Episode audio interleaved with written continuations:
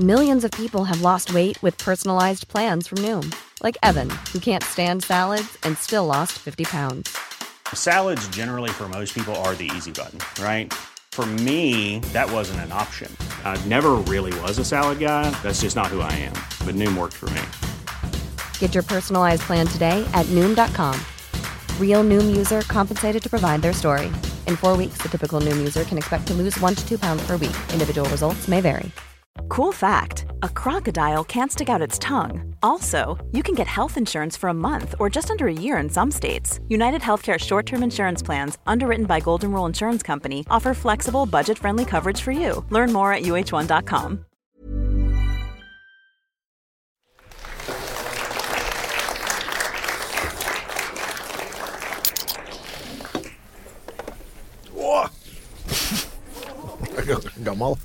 Gammal. Velkommen til eh, nok en rekommandert live fra Union Scene i Drammen, alle sammen.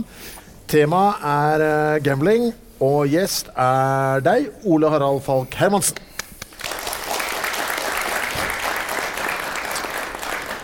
Du har jo lagt eh, gamblingen på hylla. Hvilken tittel foretrekker du at vi skal gi deg i dag da, istedenfor gambler?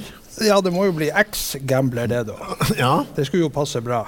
Ja. Men nå har jeg jo prøvd å komme liksom rundt fra å være en problemspiller til å være spilleavhengig, til å ha det som et tilbakelagt kapittel, med også å studere spilleavhengighet. Ok, Så ekspert. Kanskje ekspert er et bra ord. Ja.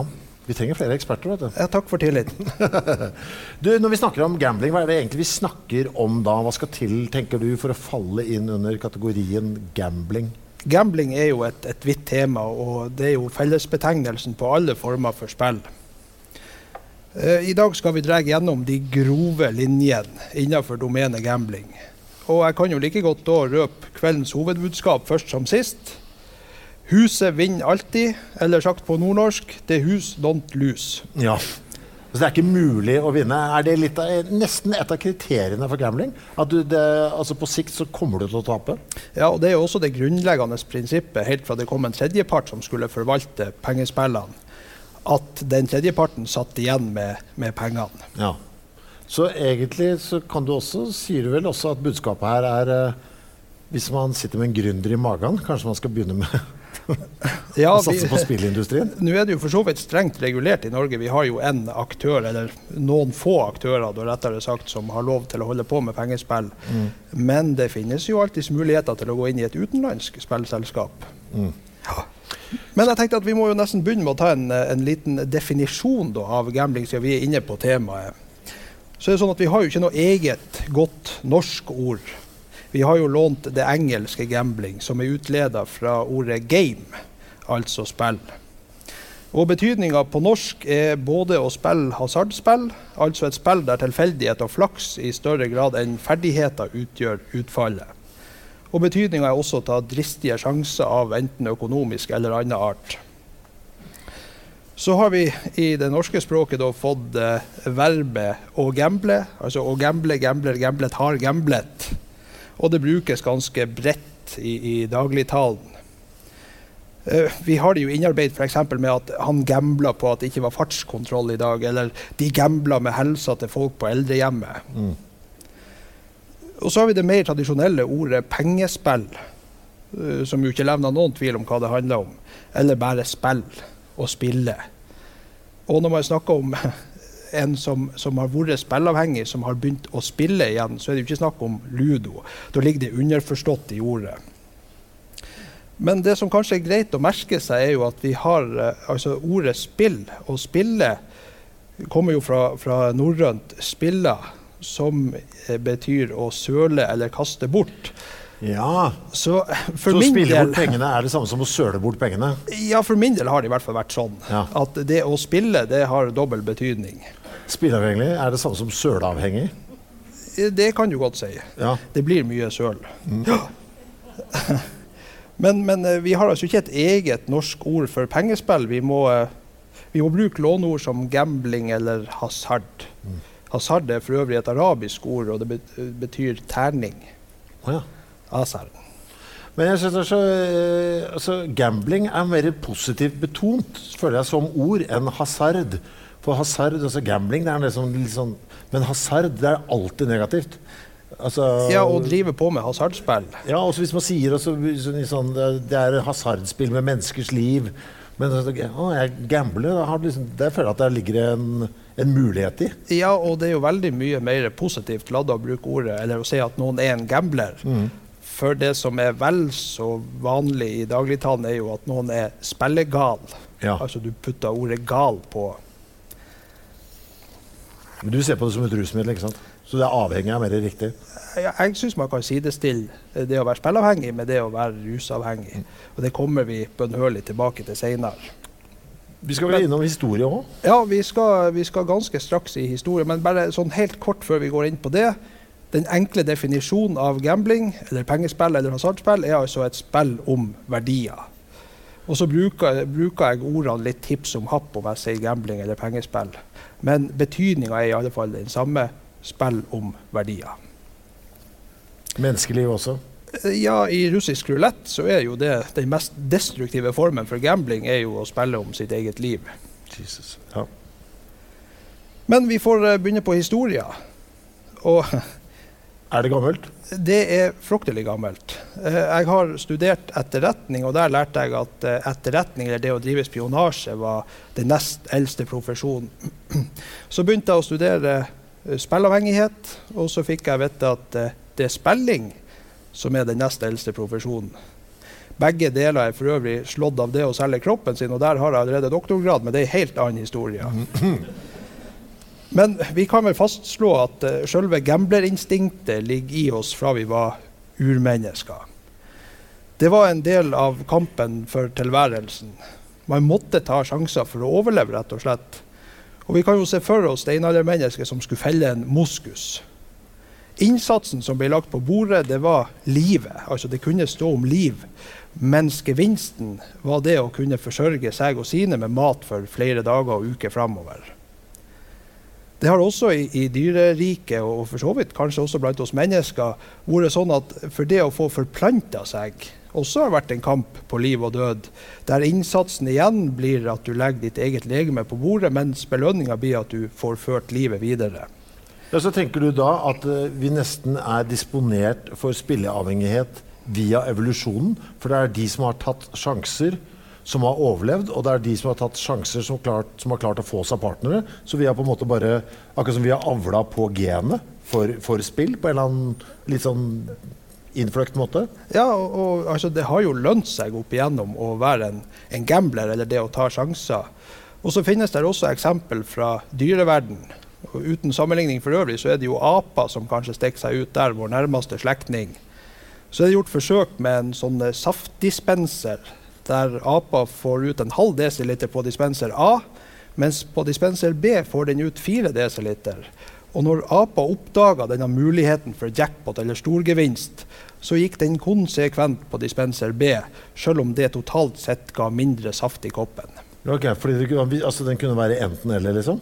Ja, Ja. men, men eh, altså, det var inkonsekvent at den ville få noe på dispenser B. Oh, ja. Men den oppdaga likevel det at her var det mulighet for stor gevinst, og gikk da konsekvent etter jackpoten. Så er det mange eksempler fra dyreriket, helt eh, til duer, som, som oppdager liksom denne belønninga som ligger i å ta sjanser. Så må jeg jo si for min egen del som en slags trøst, så må det jo være en form for resonans eller intelligens for å utløse denne egenskapen og evnen til gambling. Det er jo en grunn til at aper, som det mest intelligente av dyr, da, er mer tilbøyelig for gambling enn en fisk som aldri vil forstå det prinsippet der.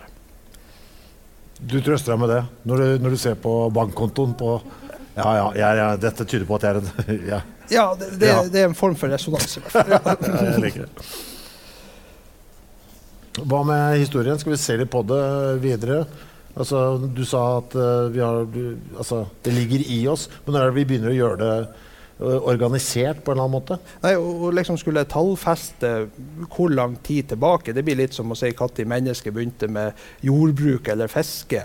Det å holde på med spill, sport og spill og spenning og spådom har nok vært med oss eh, siden ja, allerede før vi kunne definere oss som mennesker.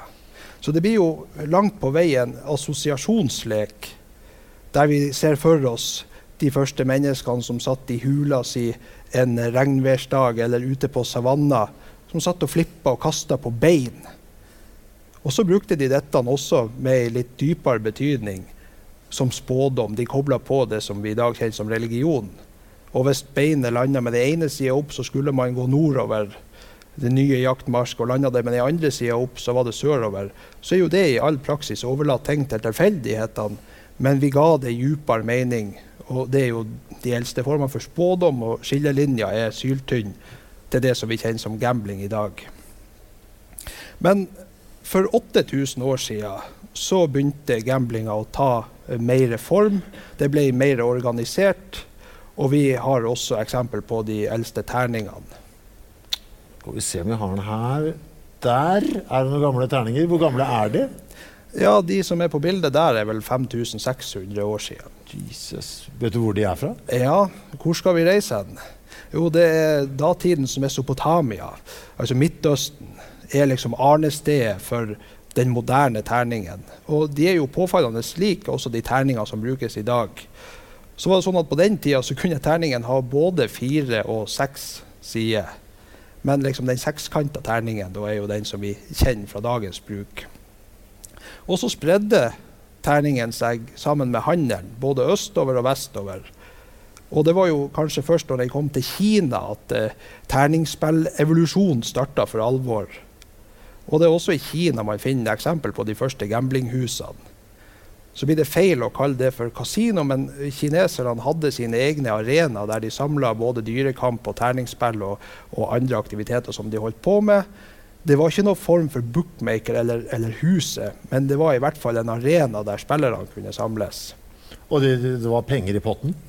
Ja, eller i hvert fall verdier. Ja. Uh, og, og, det ligger vel også tilbake til de første formene for gambling at om det ikke var penger eller verdier, så var det kanskje i form av veddemål. Hvis jeg vinner, så får jeg, eller må jeg, eller skal jeg, osv. Ja, ikke sant.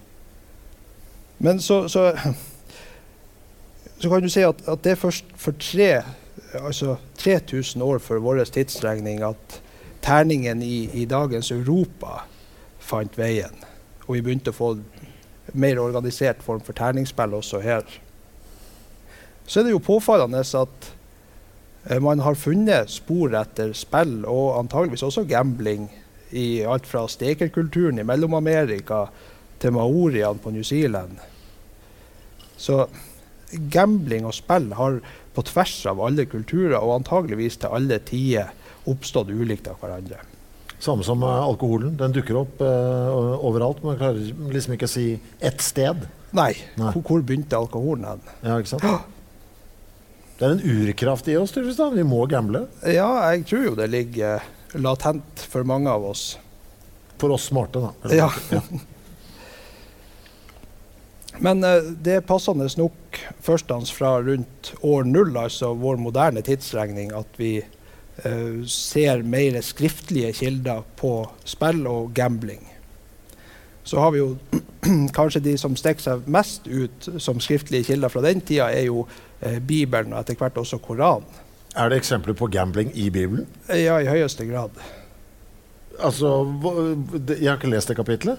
Hvor er, hvor, er det de, hvor er det de gambles? Jo, altså For de som kan sin bibelhistorie, så vil de se at loddtrekning er et gjennomgående tema eh, gjennom hele Bibelen. Også selv om Bibelen sier noe om det meste som er si, både godt og gærent, så har den ikke spesifikt noe om pengespill. Så vil jo jeg likevel si at sånn sett så er kanskje de syv dødssyndene de kjenner du vel til fra tidligere. Ja. En slags eh, inkarnasjon, da. Hvis jeg får lov å ta litt om akkurat det.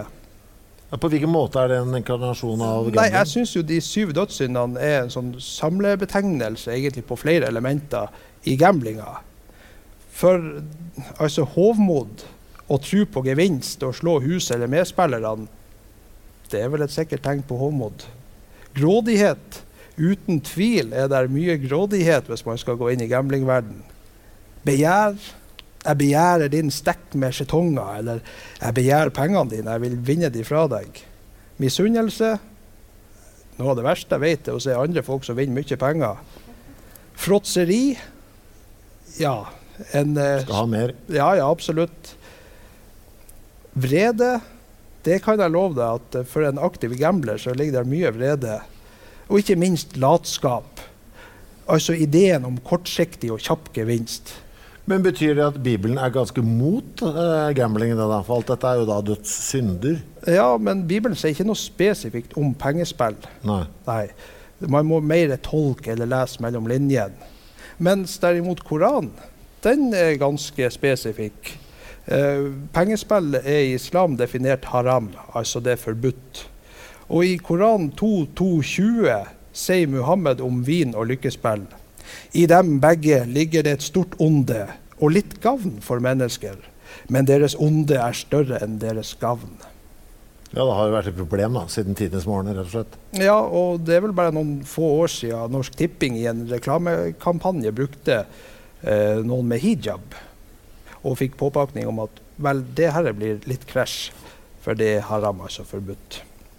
Så sånn sett så skulle jeg ønske kanskje at jeg hadde lest mer Koran også på mine yngre dager. Jeg gleder meg så fælt til å høre hvor ille det var for deg når vi kommer dit etter hvert. Ja. Ja. Og vi må igjen litt tilbake til, til terningen, for eh, kanskje den mest kjente strofa om terningsspill er det Julius Cæsar som har stått for. Alea jakta est. Er det terningen er kastet? Yes, det stemmer. Når han skulle krysse grenseelva Rubicon i 49 før Kristus. Og da må vi forstå at med det så Altså, ingen leder ønsker f.eks. fire eller seks forskjellige utfall. Men med det at terningen er kasta, så mente han at alt er satsa. Altså vi går for den planen her med å krysse elva, så får det brist eller bær. Men det viser også hvor innarbeidet det i språket allerede var da før, altså før vår moderne tidsregning, og spesielt da i Midtøsten og områdene rundt Middelhavet. Eh, Cæsar hadde vel igjen henta fra en, en uh, forfatter på den tida, men det viser i hvert fall at romerne også var lidenskapelig opptatt av terningsspill. Men det høres jo ut som vi fremdeles er på et tidspunkt hvor det ikke er så veldig sånn organisert. Det virker som det er sånn litt sånn privat anliggende. Det er bare noen, du og jeg, nå skal vi bare spille litt. ja, og, og, men altså, opp gjennom historia så har det først og fremst altså, tradisjonelt vært de velstående som har drevet på med gambling. Enkelt og greit for at menigmann, vanlige folk, ikke hadde noe å spille for. Så der er det mer veddemål som har vært en greie. Så er det først og fremst i, i mer moderne, altså i vår tid, at uh, gambling har blitt for allmennheten. Mm. Og der det kanskje i større grad nå er blant folk som har uh, litt sosiale utfordringer, enn en de som er i eliten da, i dagens samfunn rundt i verden. Men jeg, jeg tror vi hopper litt fram til, til vikingtida. Er det der vi har et lite bilde av Nei, det var det ikke. Her er et flott bilde fra et kasino i Venezia. er det her liggende. Ja. Så er det jo sånn at, at gamblinga og redskapene man har brukt for å spille, har jo holdt tritt med utviklinga i samfunnet for øvrig. Og hvis vi stikker fingeren i jorda, så skjedde det jo ikke all verden mellom år 0 og år 1000 teknologisk. Men fra rundt år 1000 så begynte dette virkelig å skyte fart. Og så må vi tilbake til våre egne forfedre, altså vikingene. For her var det stor interesse for spill og gambling i vikingtida. Sannsynligvis så kom også terningen hit gjennom eh, vikingtuktene ut i Europa. Og så er det vel litt sånn at eh, det gamblergenet altså Hvis du tenker vikingene som seilte i åpen båt over det store havet, som heiv i seg noe fluesopp, greip sverdet og dro i kamp for plyndring og erobring. Det er klart at gambling lå vel latent for de også. De var villige til å ta risiko. Hadde de fysiske spill også, som de bedrev? Ja, det var jo, altså vikingene hadde jo en sånn tidlig en egen variant av sjakk, annet. Ja. ja. Og så er det spesifikt så vil jeg gjerne trekke fram fra år 1020. Uh, ifølge Snorre sin kongesaga så var det et spill mellom Olav Haraldsson, altså den norske kongen, og svenskekongen om hvem som skulle få den svenske øya Hissingen i forbindelse med fredsforhandlinger i 1020. Og til tross for at svenskekongen trilla seks på begge terningene sine, så var det han Olav som vant Hisingen for Norge. For han kasta også to seksere, men den ene terningen delte seg og landa med seksersida opp i tillegg til enersida. Så han fikk 13. Altså, det, altså, Er dette en myte, eller hadde han en jukseterning? Nei, altså Terningen var vel litt skjørere på den tida, så det skjedde visstnok ganske ofte at den sprakk opp. Og da var regelen det at da fikk man det som de to sier. Så det var et sånn slags lykketreff da, i lykkespillet.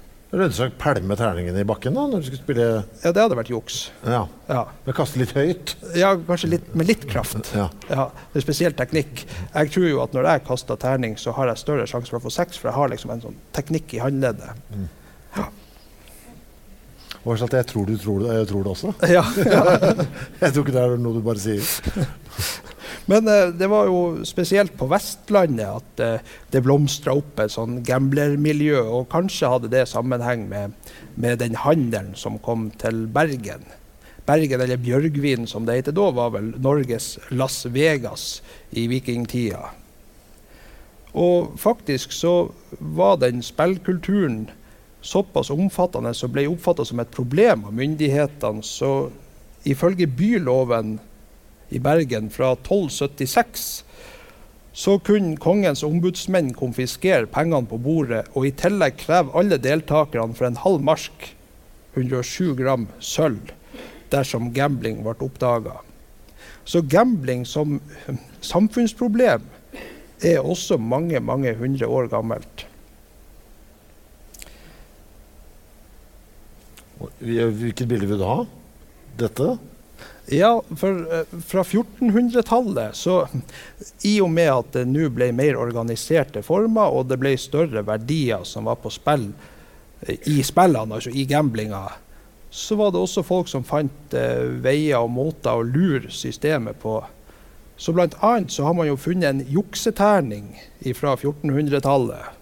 Jeg ser en terning her eh, som har eh, Vi ser tre sider da, selvfølgelig fra, på terninga. Det er en sekser og to femmere. Er to femmere. Ja. Så eh, sannsynligvis da, så er det noen som har tenkt at hvis jeg har med meg min egen terning som jeg har triksa litt med, så har jeg større sjanse for å vinne. Skurker, altså. Ja, Men det er jo ikke vanskelig å oppdage at det er juks. Men eh, kanskje det fungerte.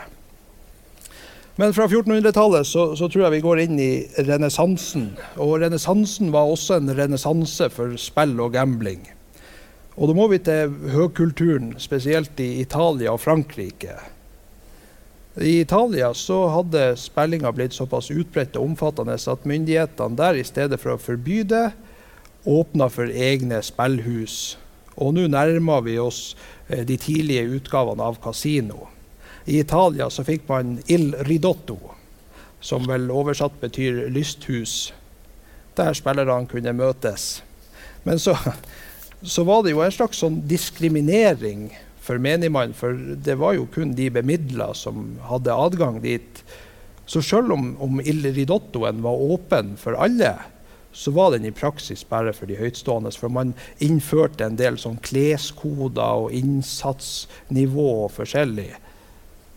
Så, altså, enn så lenge så liker jeg gamblingen sånn som det er nå, merker jeg. For nå går det bare utover de rike. Så hva jeg mener? Ja, de rike bytter penger og gir påfyll til For dette er sånn som jeg, dette er sånn samme lykken som jeg føler i dag når jeg ser uh, gå rundt og kjøper seg Louis Vuitton-vesker og sånn. Så tenker jeg fy faen, do it. Stygge, stygge Ja, bruk pengene dine på noe stygt. Faen, det er helt nydelig. Ser ut som en idiot å bruke opp alle pengene dine. Og det er, og det er litt sånn, sånn jeg føler at det er på det tidspunktet der òg. Enn så lenge så er det sånn ja, ja. Ja, ja, ja. Det er sånn Når to dumme nasjoner kriger, det er bare ja, ja, hold nå på. Jo, men sjøl så har jeg vel mer det at det måtte være veldig behagelig som gambler å ha på seg masker. Liksom det å holde masker sjøl når du taper. Ja. ja. Det, det, å kamuflere den her skuffelsen, eller jeg klarer i hvert fall ikke å kamuflere min skuffelse når jeg opplever tap. Men, men i hvert fall fra, fra 1600-tallet så var det offisielt med sånne il ridotto. Og da kan vi jo ta for oss et av de tidlige spillene, som jo er påfallende likt for, for uh, tallspill eller lotto eller keno som vi har i dag.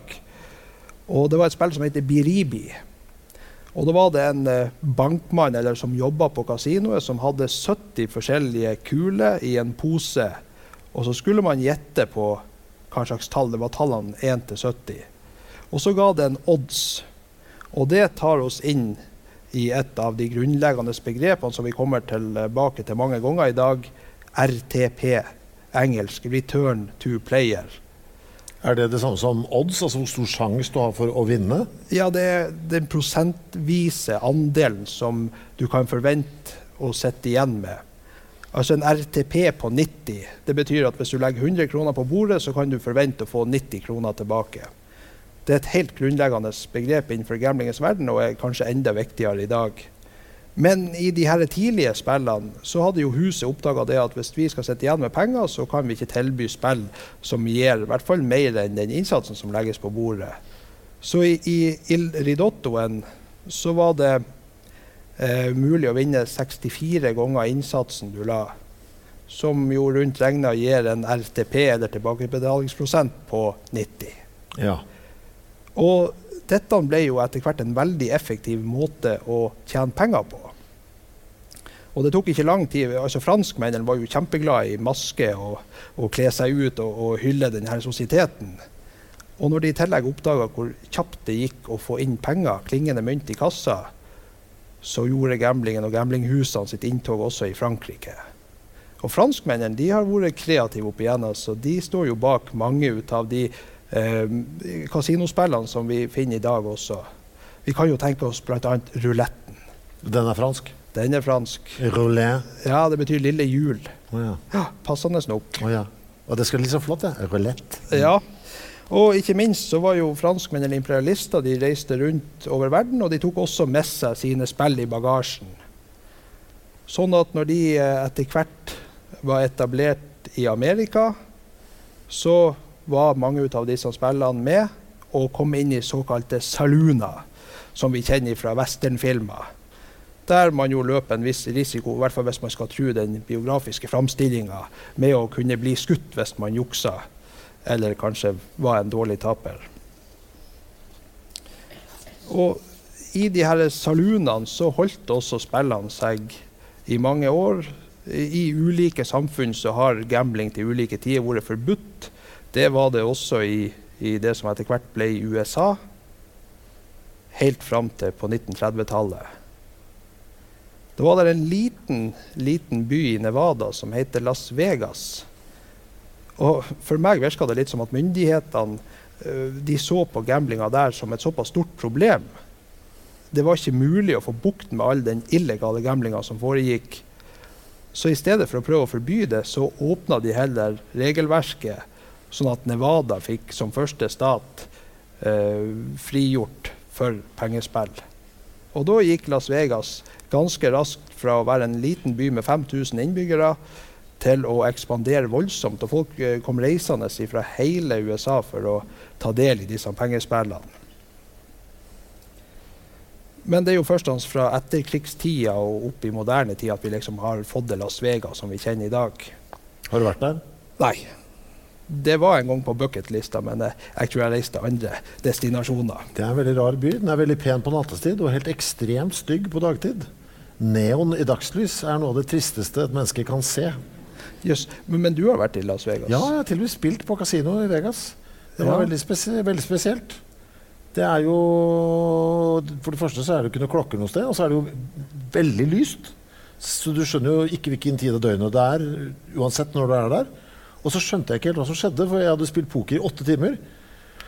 Og så var det en ved siden av meg som begynte å blø neseblod der, og så kommer de bare bort, helt diskré, sånn, så tørka seg bort. Og så begynte jeg å blå neseblod etter hvert også. Og så var det en som sa ja, det er fordi de sprøyter oksygen inn i rommet. For, holde, for liksom, det er altfor høy oksygenmetning i rommet for at du skal liksom holde deg mest mulig våken. Og da tørker slimhinnene ut. Og så var det helt vanlig. Så folk blødde neseblod rundt omkring hele lokalet. kommer de bare bort med en liten serviett. Det er business satt i et uh, litt av et system. Ja, men, jeg trodde det var sånn narkosenter. At alle liksom, men det var jo ikke det. Det var bare proppfullt av oksygen i rommet. Svære men, tanker under. Men vant du? Jeg gikk i null uh, der. Gikk var, i null? Ja. Altså, jeg gikk, du gikk inn, spilte sånn pokerbord. Jeg gikk inn med 100 dollar. Og så tapte jeg litt, og så gikk jeg over. og klarte jeg å vinne meg over, og Da tok jeg de der 100 dollarene bare gjemte de under bordet. de hadde gått inn med, Og så spilte jeg bare med overskuddet. Og så var det gratis alkohol så lenge du spilte. Så det gikk jo ganske bra en liten periode. Og så gikk det jo voldsomt. Eh, jeg husker jeg ga meg på denne, da, for da de andre rundt meg lo. For de sa 'It's not your turn, man'. Da hadde jeg liksom kasta noe kort på bordet og jåla meg litt til, men da var jeg så, jeg så i vinkel. Og Ja. Da tok jeg bare med meg de skjetongene og, og dro. Så gjorde jeg akkurat det samme ett år etterpå. Gikk i null begge ganger.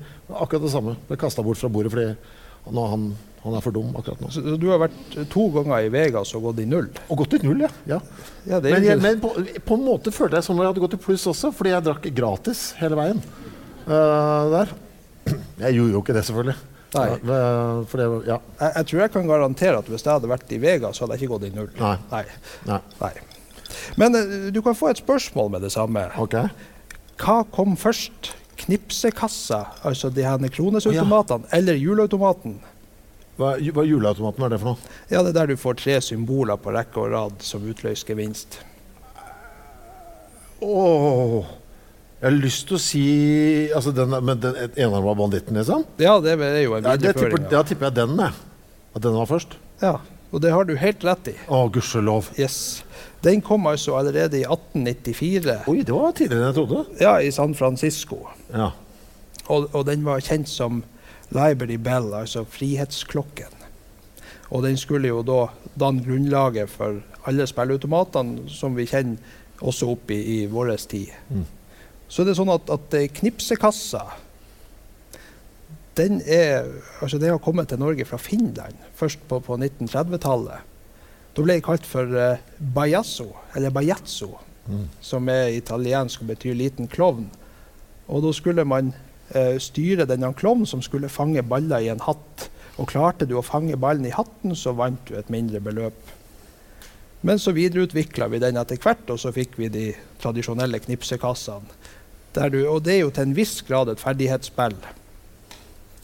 Så eh, de ble jo utplassert rundt omkring, både på ferge og på ja, butikker og i barer og rundt omkring. Jeg vokste jo opp uh, på Oslo øst. Og der var det jo Hvis du hadde en far som hadde eh, et metallbor eh, og et fiskesnøre, så var mye gjort. For Ja. det var jo ganske hot der. Festa du fiskesnøre i den på de tidligste, hvis det var tynt nok, la på mynten, slo den så hardt du kunne, og så kunne du bare dyppe den i alle høla eh, bortover og få alle gevinstene. Og, og tømme den for penger, ja. Ja, men, så, også ble, men du fikk jo ikke mynten ut igjen, så du måtte løpe da før innehaver skjønte hva det var som foregikk. Ja, og så ble det jo lukket i kassa etter hvert, husker jeg. Ja, jeg, jeg har en tilsvarende historie fra den tida det var, var uh, kronespill på ferga. Ja. Og uh, da var det noen gutter som hadde knyttet en liten sytråd eller en tråd, og som knipsa og drog tilbake og kunne knipse på nytt igjen. Problemet var bare det at det ble oppdaga, og ferga sendte sin mest myndige mann, som var maskinsjefen. Og det var ingen plass å gjemme seg heller. Herregud, på en båt. Ja, så De ble jo omtrent rista og holdt opp ned til de hadde fått ut alle pengene. Ja, to utganger vet du, på Haugenbua, så vi, kunne, vi hadde alltid et sted, et sted vi kunne løpe. En sweet escape. Ja, ja. Ja, det er viktig hvis man skal prøve å lure huset, Ja, ja. for huset vinner alltid. Eh, Så var det jo sånn at eh, vi har jo alltid sett til kontinentet og til andre europeiske land. Og mot slutten av 1800-tallet så hadde jo sport og sportsspill gjort sitt framtog. Og til å begynne med så var det en hel del illegal sportsbetting her i landet. Og man prøvde seg eh, fra 1935 med å, eh, opprette et legalt tippeselskap. Men det kom ikke på plass før i 41, altså mens vi var okkupert, og det var sånn NS-samarbeid som ble boikotta. Men tanken om å ha et nasjonalt eh, spill eller lotteri var likevel planta, sånn at det er først etter andre verdenskrig at spillene blomstra opp eh, for alvor. Og det er da vi får Norsk Tipping. Ja, eh, Norsk Tipping kom vel i 48. Og etter hvert lansering av tippekupong og et, ja, de spillene som vi kjenner nå i våre dager. Men allerede fra 1912 så gikk bl.a. Fridtjof Nansen i bresjen for at vi skulle få et nasjonalt lotteri.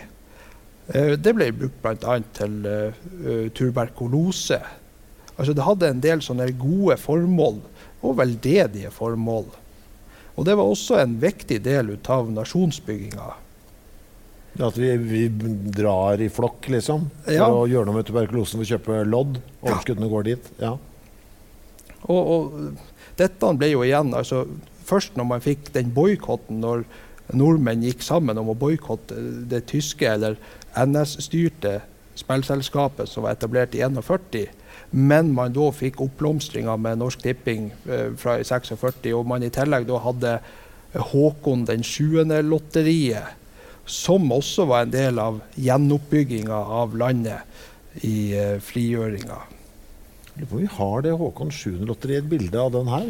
Ja, Den som kjøper lodd til H7-lotteriet i oktober 1946, kan straks delta i de daglige forhåndstrekninger ved å oppgi loddets nummer samt tydelig navn og adresse. Altså var daglige trekninger? Nei, nei. Nei. nei. det var litt sjeldnere enn som så. Ok. Og på den måten så fikk man samla inn mange millioner kroner som gikk til gode formål. Og det er jo litt av tanken også, og har vært hele veien med Norsk Tipping. At omtrent halvparten skal gå tilbake til folket i form av gode formål. Ja, Nå kan du til og med velge, kan du ikke det? Med grasrotandel og hvor pengene dine skal gå og sånt. Ja, der du har en direkte prosentandel som går til ei forening eller et lag. Hva, hva, hvem ga du til? Jeg ga til Vestbygd skole og amatørkorps. Okay. De fikk hundrevis av kroner. Jeg ga jeg, Dyrebeskyttelsen i Drammen. De fikk noen penger nå når jeg ikke vant på Lottoen i helga.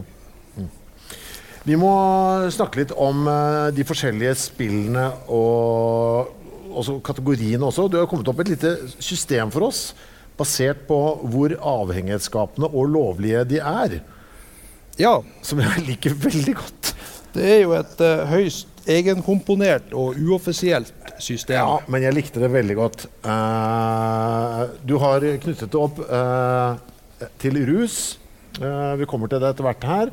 Eh, her er oppe på skjermen her eh, hvordan RTP-en er eh, på de forskjellige spillene. Og det er litt sånn viktig, altså hvor sannsynlig det er at man vinner, da. Og hvor mye liksom, huset sitter igjen med og sånn. Og det har jo litt å gjøre med hvordan, hvilket rusmiddel du mener de forskjellige spillene kan sammenlignes med. Ja.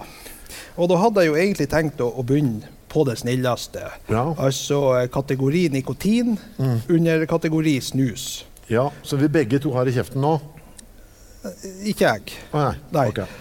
Men så oppdaga jeg jo det at vi må jo faktisk ha en enda litt snillere kategori. Smågodt? Nei, vi, nei, vi begynner med nikotinfri snus. Oh, ja, okay. For da er du liksom innenfor det samme domenet. Et, et rusfritt rusmiddel. Ja. Ja, og det er altså spill som i utgangspunktet ikke er helseskadelig, men som med absolutt alt annet så kan det misbrukes. Så obs, obs. Hva har du lagt der? I kategorien nikotinfri snus så finnes det gjettekonkurranser og loddsalg. Eh, Det nærmer seg jo etter hvert 17. mai, så på tradisjonelle 17. mai-arrangement så vil du finne den type spill, f.eks. det å gjette på antall erter i ei krukke. Ok, Men dette skal vi ikke bekymre oss for. Nei. eh, Du, det, vi, er, vi er enige der, eller? Ja, dette er det snilleste av det snille. Ja. Også, du vet jo hva ei sanitetsforening er? Eh, Det er noe mødrene driver med. Eh, Ja, mødre og bestemødre og sånt. Ja. Så på det Jeg, vet, jeg vet faktisk ikke hva det er. Nei, Jeg forbinder det med hekling, kaffe, en kake og noen rare lodd. ja, da vet du hva det er. Ja, ok. For på det glade 90-tallet så var det sånn at jeg flere ganger, eh, både direkte og indirekte og høyst ufrivillig, ble en del av sanitetsforeninga hjemme i Vestbygda. Og der var det sånn at alle Unnskyld, jeg kaller dem for kjerringer, for det var jo det de var. Alle kjerringene hadde med seg hver sin gevinst, og inntektene av loddsalget gikk til felleskassa. Og gevinstene var jo ofte i kategorien altså juggel, det var stearinlys og servietter osv. Og, så og så hovedgevinsten var en tvistpose. Men vinnergleden, den var like ektefølt. Og det var nok noen av kjerringene som kanskje kjøpte litt mange lodd. Men eh, det faller allikevel inn under den snilleste formen for gambling som vi kan holde på med. Og her er det jo veldig høy uh, Altså, her sitter jo huset igjen med mye. Her har huset særdeles mye igjen. Ja, oi. Flytta seg her? Eh, Så jeg har forska meg litt fram på området og jeg har funnet ut at det er en RTP på bare 18% i gjennomsnitt for den type loddsalg. Ja. Ja. Det er altså hvor mye du kan forvente å sitte igjen med for de pengene som du har lagt på bordet. Hvis vi hopper til nikotinholdig snusa, for den er jeg nysgjerrig på, for det er det jeg har i meg nå. Hvilket gambling, hvilken Vi- gambling bedriver jeg? Vi må vente litt, for vi, går, ja, for vi har nikotinplaster. Oh, ja, ok. Ja. Og, og, der kommer jo eh, det snilleste lotteriet som vi har. Pantelotteriet. Å herregud. Det kan i ytterste konsekvens være helseskadelig, og til en viss grad også avhengighetsskapende. Men den har ikke jeg dårlig samvittighet for. Fordi Nei. når jeg tenker, vet du hva Øh, For da blir jeg nesten glad når jeg taper også, for da tenker jeg, vet du hva Dette går rett Røde Kors. Fy faen, så snill jeg er. Ja, jeg blir jeg også nesten glad når jeg taper. Oh, ja. men, men jeg har jo et eksempel fra eget liv der jeg har stått og hatt akkurat nok penger i flaskepant til å kunne kjøpe meg en snusboks og det ellers har vært skrapa overalt, men så har jeg satsa alt på pantelotteriet, og oh, ja. tapt, selvfølgelig. Oh, ja, sånn, ja. Men uh, uansett, det har en RTP på 35% altså helt i det nedre sjiktet. Mm. For det er vel ikke sånn at det først og fremst er tanken om å få milliongevinsten som driver oss til pantelotteriet. Det er som du sier, det er å støtte et veldedig formål. Begge de to nikotinvariantene du har presentert nå, er sånn Det gjør jeg for å være snill. Det gjør jeg ikke med meg selv i, i førersetet. Nei, men du vet, er man fagmann, så er man fagmann, og da kan alt misbrukes. Ja. Ja. Men så skal vi over på snus. ja.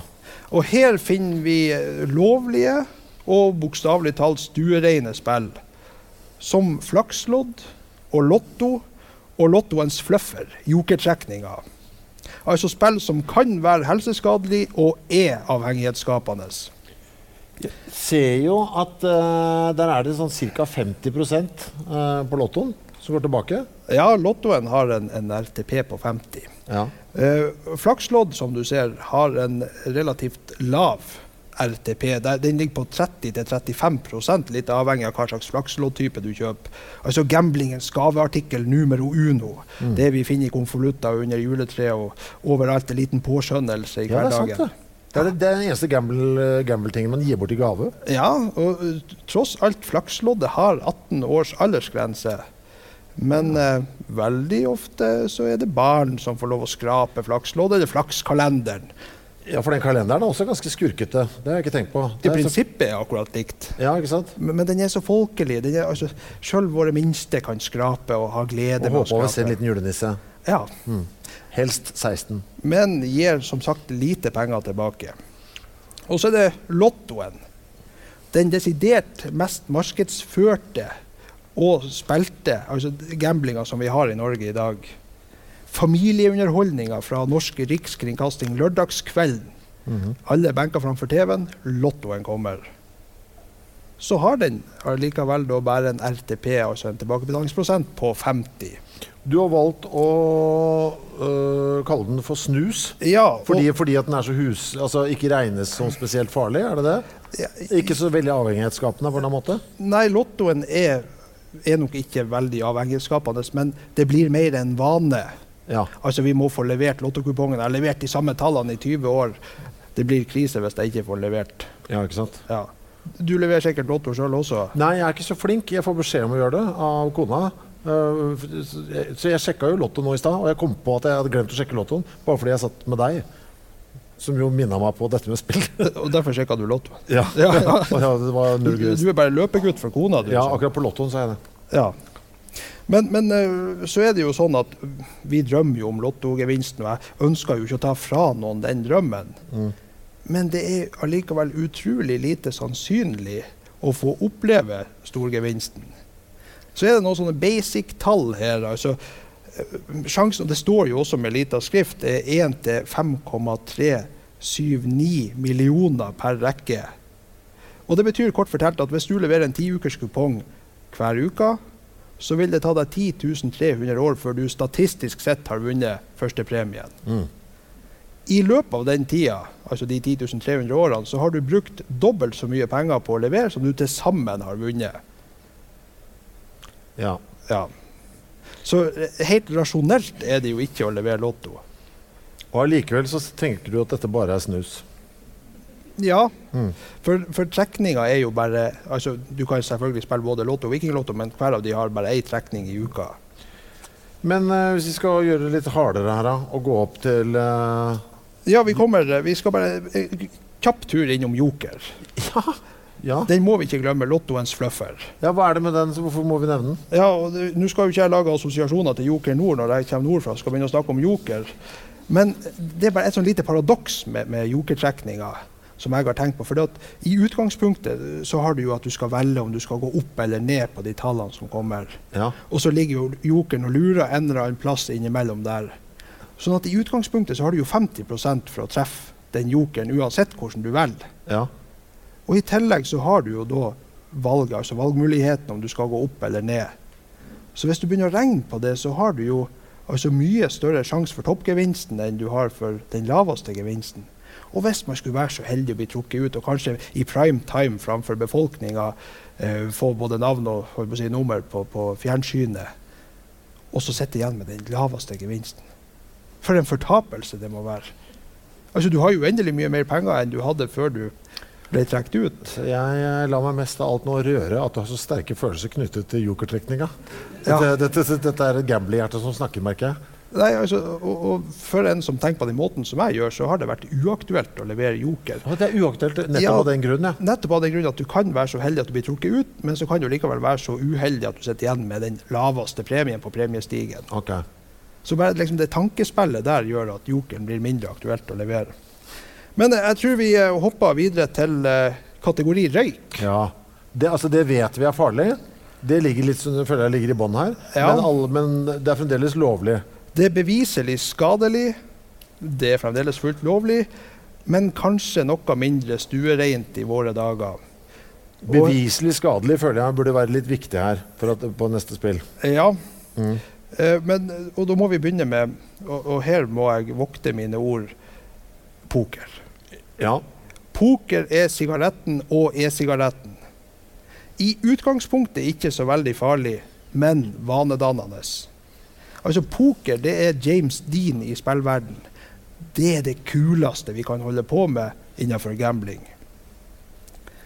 Er det god branding, eller hva er det som gjør det, tror du? Ja, og, og at uh, man altså gjennom uh, publisitet i media Vi har jo nå Norgesmesterskapet vist på riksdekkende fjernsyn. Uh, vi har mange framtredende personligheter som spiller poker. Kjendiser. De fronter jo gjerne mange ut av de eventene eller mesterskapene som er. Men så er det jo sånn at eh, de fleste som har spilt nettpoker, har vel opplevd å gå på en såkalt tilt at du eh, blir litt for ivrig etter at du kanskje har mista det noen hender. At det har gått litt imot deg. Og da legger du alle pengene eller alle skjetongene på bordet, og så kjøper du inn flere etterpå. Så det gjør at vi rangerer eh, pokeren under røyk. Så er det jo ironisk nok sånn at i de her eh, livelagene, altså når du sitter i en kompisgjeng og, og spiller i ei stue eller hvor som helst, så vil det være for deg tilsvarende e-sigaretten. Det er ikke så farlig. Eh, jeg synes det er rart du sier at du, du vil ha bingo også under røyk. Bingo er rullingsen. Ok. Ja, altså, Ferdig snakka til det er tomt i pakka. Ok, Men er det så farlig, da? Bingoen, liksom? Det går jo så treigt. Nei, det er vel ikke at det er så farlig, men, men eh, det er vel mer eh, prototypen på en bingospiller i dag. Og nå skal jeg jo være forsiktig med å, å klassifisere eller sette i bås. Men eh, jeg syns i hvert fall personlig at, eh, at det er mye rullings over.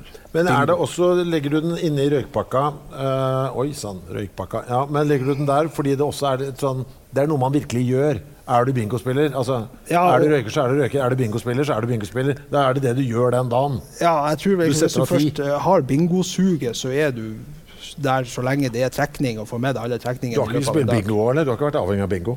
Jeg har jo spilt det. Ja, men det har, Ja. har du vært avhengig også? Nei, nei. nei, nei, nei. Ikke denne gutten. Okay. Så må vi innom eh, Keno en tur. Keno. Ja, Vi får kalle det for en type mentolsigarett. Mm. Og til dels også en sånn vinnertipp med litt lugubert innhold i. Så er det jo sånn at vi i Norge i dag så har Norsk Tipping sin variant av Keno. Men går du til de utenlandske spillselskapene, og det er jo lett, så vil du jo få kontinuerlig Keno-trekning. Og derfor så rangeres det eh, såpass høyt. 50% avkastning på Keno nå. Yes. Eh, cannabis, hva finner vi der? Cannabis, altså hasj og marihuana, Mm. Her følger det noen spill som er avhengighetsskapende og ulovlig i Norge. Men eh, det er ikke så høye bøter om du blir tatt. Altså, det har ikke så store konsekvenser. Også, og egentlig nokså Ja, altså ikke megafarlig, men allikevel uh, Farlig nok. Ja. ja, for det, det, det er litt uglesett. Men uh, har du da kastet deg inn i politikken når du har kalt dette spillet for cannabis og tenkt det kan like gjerne være lovlig? Det kunne godt ha vært lovlig. Ja. ja. For, uh, under hasj så finner vi blackjack. Mm. Det er jo et spill som alle har hørt om, som vi ser på film stadig vekk, som en del har prøvd, og som noen driver med i det skjulte så er jo blackjack altså det er jo et slags ferdighetsspill, så RTP-en her blir jo veldig relativ i forhold til kunnskapen. Huset spiller alltid perfekt, og uten korttelling og med perfekt spill sjøl, så kan du forvente en RTP mellom 98 og 99 så, så veldig høyt der. Så altså effektfullt. Så du kan med andre spille blackjack jævlig lenge uten at det går galt? Ja, og, og, så har vi jo altså, Du kjenner jo kanskje til filmene eh, 21 og Rainman. Mm. Eksempler på at hvis man teller kortene, så kan du oppleve en positiv RTP. Men det er jo derfor de har egne folk som sitter og nå altså maskinelt monitorerer at ikke spillerne sitter og følger med på du har kanskje prøvd blackjack også? Ja, jeg synes det var kjedelig. Kjedelig? Ja, og Så fikk jeg kjeft også, fordi de som var rundt meg. syntes det var et veldig aggressivt spill. I, jeg spilte i Vegas. Why do you split now, man? You can't split on sevens. Wow, why, are you an idiot? Så, ja, ja, I guess so. Og så slutta jeg med det. Ja, gikk du derifra også med like Nei, der, jeg tapte. Jeg spilte bare to enere, for jeg syntes det, det, var så dårlig stemning uh, der. Tapte du alt på to hender? Jeg vet ikke hva jeg, skal, jeg vet ikke om jeg skal klare å komme opp med god sånn cannabis-sammenligning uh, der. Men det, det var ikke som jeg røyka cannabisen med gloa inn. For jeg var, liksom, jeg var idioten rundt bordet. Is this the way? At det var litt sånn, liksom. Ja. Altså, det var ikke noe for meg, det. altså. Men du opplevde ikke å få 21? Nei, jeg gjorde, jeg, jeg gjorde, ikke det. Jeg tror ikke det. Jeg, jeg, husker, jeg husker bare at det var veldig det var mye kjefting og smelling, og at Men, jeg var en idiot. Hørte du 'winner, winner, chicken dinner'? Nei, er det noe man sier? Ja. Okay. Det er et uttrykk som kommer ifra Blackjack. Okay. Anyways, under kategori marihuana så er det en del andre bordspill, som baccarat og craps, terning. Ja. Og det er jo ting som vi kanskje hovedsakelig kjenner fra media litt sånn eksotiske spill som de holder på med i utlandet. Det er også til en viss grad ferdighetsspill, og RTP-en er rimelig høy, rundt 98-99% også her. Mer avhengighetsskapende alkohol? Nå kommer vi i alkoholen, ja. Altså spill som gir oss en mer langvarig rus. Det er lovlig og veldig utbredt, men allikevel strengere regulert og med jevnt over større konsekvenser ved misbruk. Så må vi ha en underkategori lett øl. Jeg tror jo det går an å bli alkoholiker også på lettøl. Det er jo tross alt alkohol i det. Tipping. Mm. Man kan nok definitivt bli spilleavhengig av tipping. I alle fall kan det være et innledende spill. Hvis man har elleve rette etter de kampene som har begynt klokka fire på ettermiddagen, og sitter og venter på den kampen som begynner klokka halv sju, så har du rimelig stort eh, tilfang av, av dopamin og, og, gode følelser i kroppen. Mm. Lettøl. Ja, og, men liksom, selv om det nå er blitt tre kuponger i uka, og du har både fulltid og pausetipping på alle de, så gjør hyppigheten på tippekupongene at det ikke kan rangeres høyere enn lettøl. Men det er like fullt alkohol. I tipping så spiller du om en pott som er bygd opp av spillerne. Men så er det allikevel sånn at huset, altså Norsk Tipping, tar 50% Så RTP-en er altså bare 50% Det er mye tissing for lite rus. Ja, ja. nettopp. Så er det over til øl, mm -hmm. og til dels sterkøl, eller elefantøl. Odds. Ja. Og her er det ingen tvil om at man kan bli avhengig. Fordi der kan, der kan du dytte inn så mye der. Altså, du, der, du, kan legge så mye penger i det. Er det det som gjør det liksom at du blir så avhengig? Ja, og så har du hyppigheter også. Du vil hele tida nå kunne finne noe å spille på. Ja så vet jeg jo at, at for, for, de som har vært mest på, på spillkjøret med odds, så var det et mareritt under eh, korona, når alt stengte ned. Det ikke fantes kamper lenger, og man måtte gå til sånn belgisk andredivisjon, bordtennis og annet. Mm. Men, men, du vil allikevel liksom døgnet rundt, året rundt finne noe å spille på. Det er jo et ferdighetsspill der du faktisk har sjanse til å slå huset. Men huset har allikevel lagt inn en margin så når oddsen settes på et kampobjekt, så settes det eh, lavere enn det i realiteten vil være. Så eh, i gjennomsnitt så har odds en RTP på 85 Hvor er eh, Jeg ser at hestespill eh, står også her. Hva slags alkohol er det? Da kommer vi over på brennevin. Det er brennevin, ja. Ja, Dette da- er bra du sier, for dette her har ofte skjedd i bandbussen. Hestespill. Ja, jeg skjønner ikke hva som skjer. Vi kjører i bandbussen etter spillejobb, og så sier man plutselig liksom sånn Nei, hva, hva mercha vi i forrige år? Solgte, T-skjorter og sånn. 3000 kroner. Å, kult. Og så kommer det fra forsetet. Jeg skal ikke Jo, det skal jeg. Det, da sier Mats fra forsetet vi setter alt på hest, da. Og der var hele bilen sånn Nei, gjør vi det? Ja da, men herregud, skal vi dele det på oss? Vi er jo seks mann, det blir 500 kroner på hver. Vi setter alt på hest, da. Og, så, og, da, og da gir vi ham lov til det. Å tippe V65. Dette har sikkert skjedd 15-20 ganger. Har vi hatt noe greier inne, liksom. Og, og, og vi har ikke sett en krone av det. Vi har, vi har aldri vunnet. Og når jeg ser på det nå, sitter jeg med det, så skjønner jeg, det er jo 30 000 spenn, i hvert fall, da, som bare er blitt borte, liksom. Ja, det blir fort penger. Hva er sånt. RTP-en på hestespillet? Samme? Eh, Ja, den varierer fra 65 til 75. Ja, ja. For noen år siden så økte de RTP-en. da.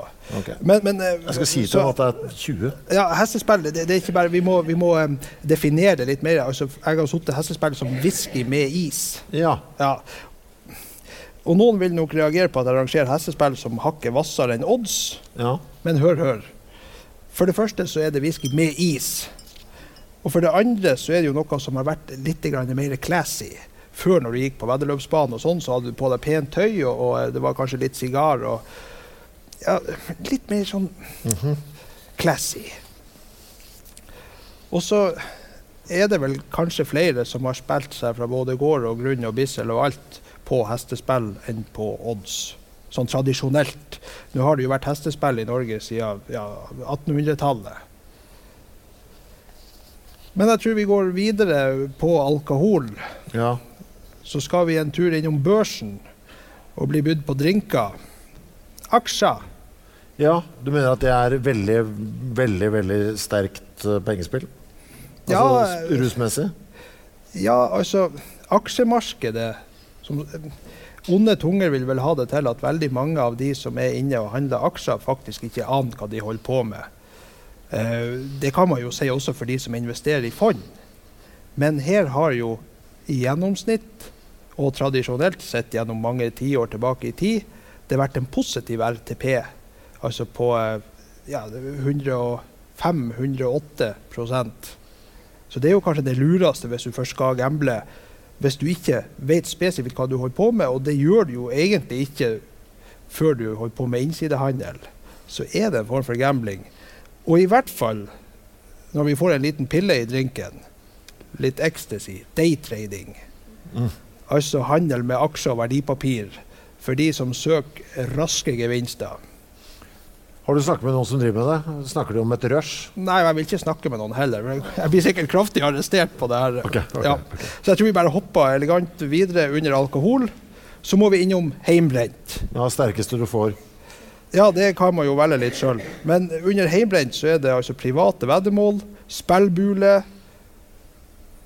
og eh, coinpusher.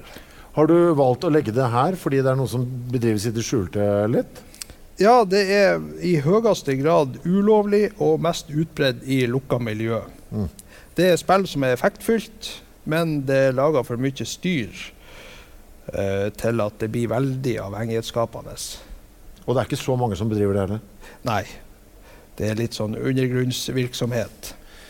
Så har jeg jo stalka den Facebook-sida di, Ja. så, så da må vi jo inkludere litt om sånne coin-pushers, eller myntskyver. Ja, der det, det ligger masse mynter på sånne platåer. Så slipper du en mynt, og så, så dytter de, så hvis du har flaks, så detter, detter mynten ned på neste nivå. Og så går det, og så til slutt så kan det dette mynter ned Ja. til deg. For de som husker Mr. Bean, så hadde jo han en sånn der han løp inn med ryggen og fikk den store okay. gevinsten. Eh, det ble jo utvikla faktisk i Storbritannia på 60-tallet, kalt for penny falls. Og det var helt håpløst å klare å finne RTP-en på sånne coinpushers. Hovedsakelig fordi at de som vi kjenner fra tivoli og sånn, er jo de tradisjonelle. Og så er det de som har kommet på nettet, som du har funnet på videoer på YouTube og annet, som er rigga 100% Altså, jeg tror hver en eneste video som ligger av sånne moderne coinpushers med millioner av dollar i potten, er helt rigga. Ok, Jeg har i hvert fall ikke funnet bevis på det motsatte. Okay, si så, sånn. så sånn. den linken jeg la ut, var bare tull? Eh, ja. Jeg, jeg det lurte meg lur, jeg. Satt og kosa meg. Det var mest fordi det var så gøy å se sånne kjempestore stacks med mynter dette ned, og så likte jeg lyden av det. Men er ikke det deilig å la seg lure? Jo, I gamblingens verden. Du, vi må, Kom, kom. Vi, vi må gjøre det sterkere nå. Vi må hoppe opp til kokain. Ja, vi skal straks på coin. eh, RTP på Coinpushers 70 Å ja. Ja. Ti 10 kroner inn, 7 kroner ut. ja. ja. ja, Grei deal, det. ja I hvert fall når det er bare kronestykker av gangen. Ja.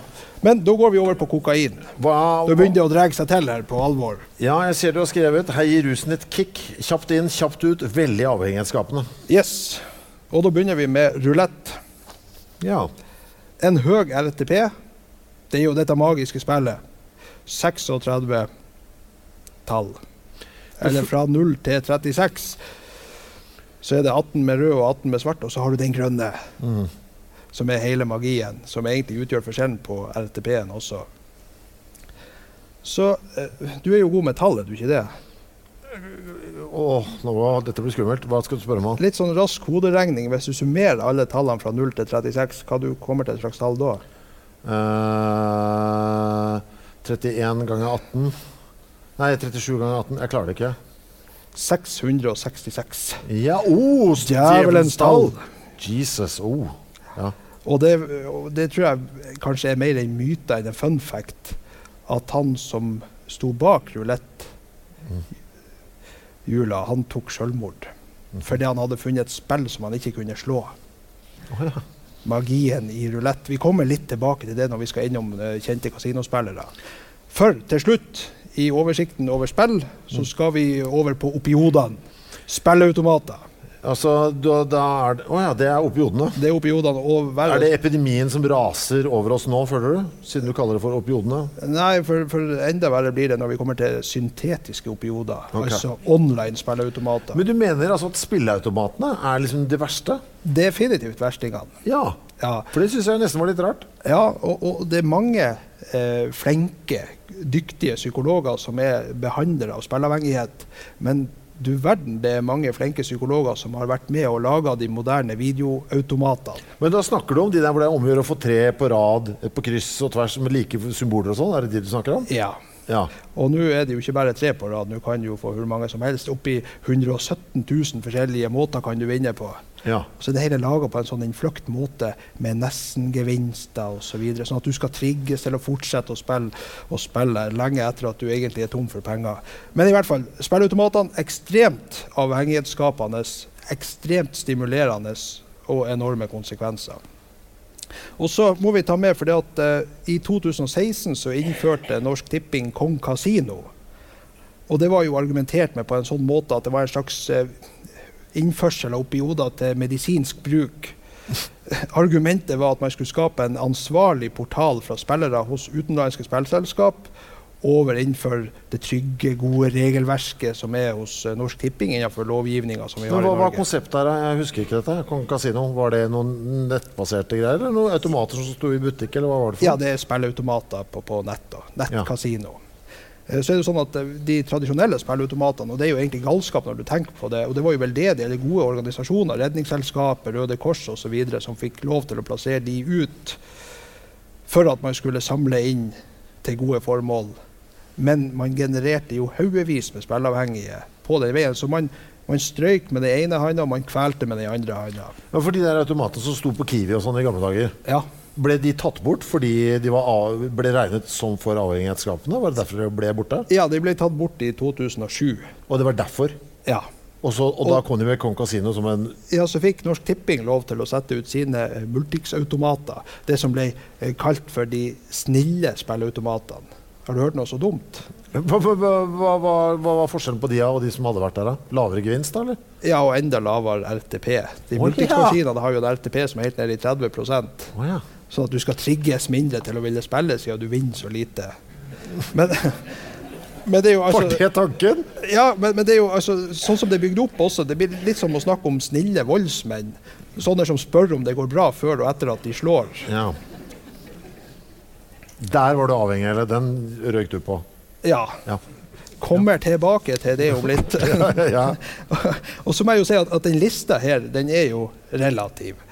For det at du kan selvfølgelig ta større skade av snus enn av opioder. Du kan jo sette nikotinfri snus på tvers i og, og kveles av det. Men sånn jevnt over så tror jeg den her ligger ganske nært opp imot de tallene som også finnes for behandling av spilleavhengighet. ja. De som er inne for å bli behandla for spilleavhengighet, er gjerne eh, spilleautomater. Ja, i, i, altså det utgjør den desiderte størst prosentandelen av de som behandles, er folk som er spilleavhengige på spilleautomater. Mm. Men eh, nå har vi jo tatt ei eh, grov innføring om både historie og spillene, så det er kanskje greit å hoppe over til spillerne. Er det noen eh, megakjente spillere der ute? Ja, vi får begynne si, lengst tilbake med han eh, kjekkasen. Du kan jo beskrive han i midten nede. Du ser hvem det er? Nei. Nei, det er ingen ringere enn Casanova. Å ja, Kåtskjelken. Kvinnebedåreren. Han var også en gambler. Ja, det viser vel opp gjennom historien at det å være kvinnebedårer og det å være gambler er en sånn slags eh, symbiose. Så Casanova han frekventerte utover på 1700-tallet rundt i kasinoene. Han var jo en del av sosieteten i Frankrike og Italia. Og følgelig også så var han en ivrig gambler. Men Casanova han var, jo, han var jo kjent som en, eh, en vellykka gambler. Både på det ene og det andre området. Altså, han, men det var vel en historie han solgte sjøl, tror du ikke? Ja, og så er vel legenden om han mye skrevet av hans tilhengere og supportere. Ja. Han var vel i sin tid mer kontroversiell enn det som, eh, som han gjerne framstilles som. Jeg syns jeg ser øverst til venstre her et bilde av Munch. Ja. Ja, eh, Munch, eller Munch som jeg gjerne sier, eh, han var jo klin spilleavhengig. Ante jeg ikke.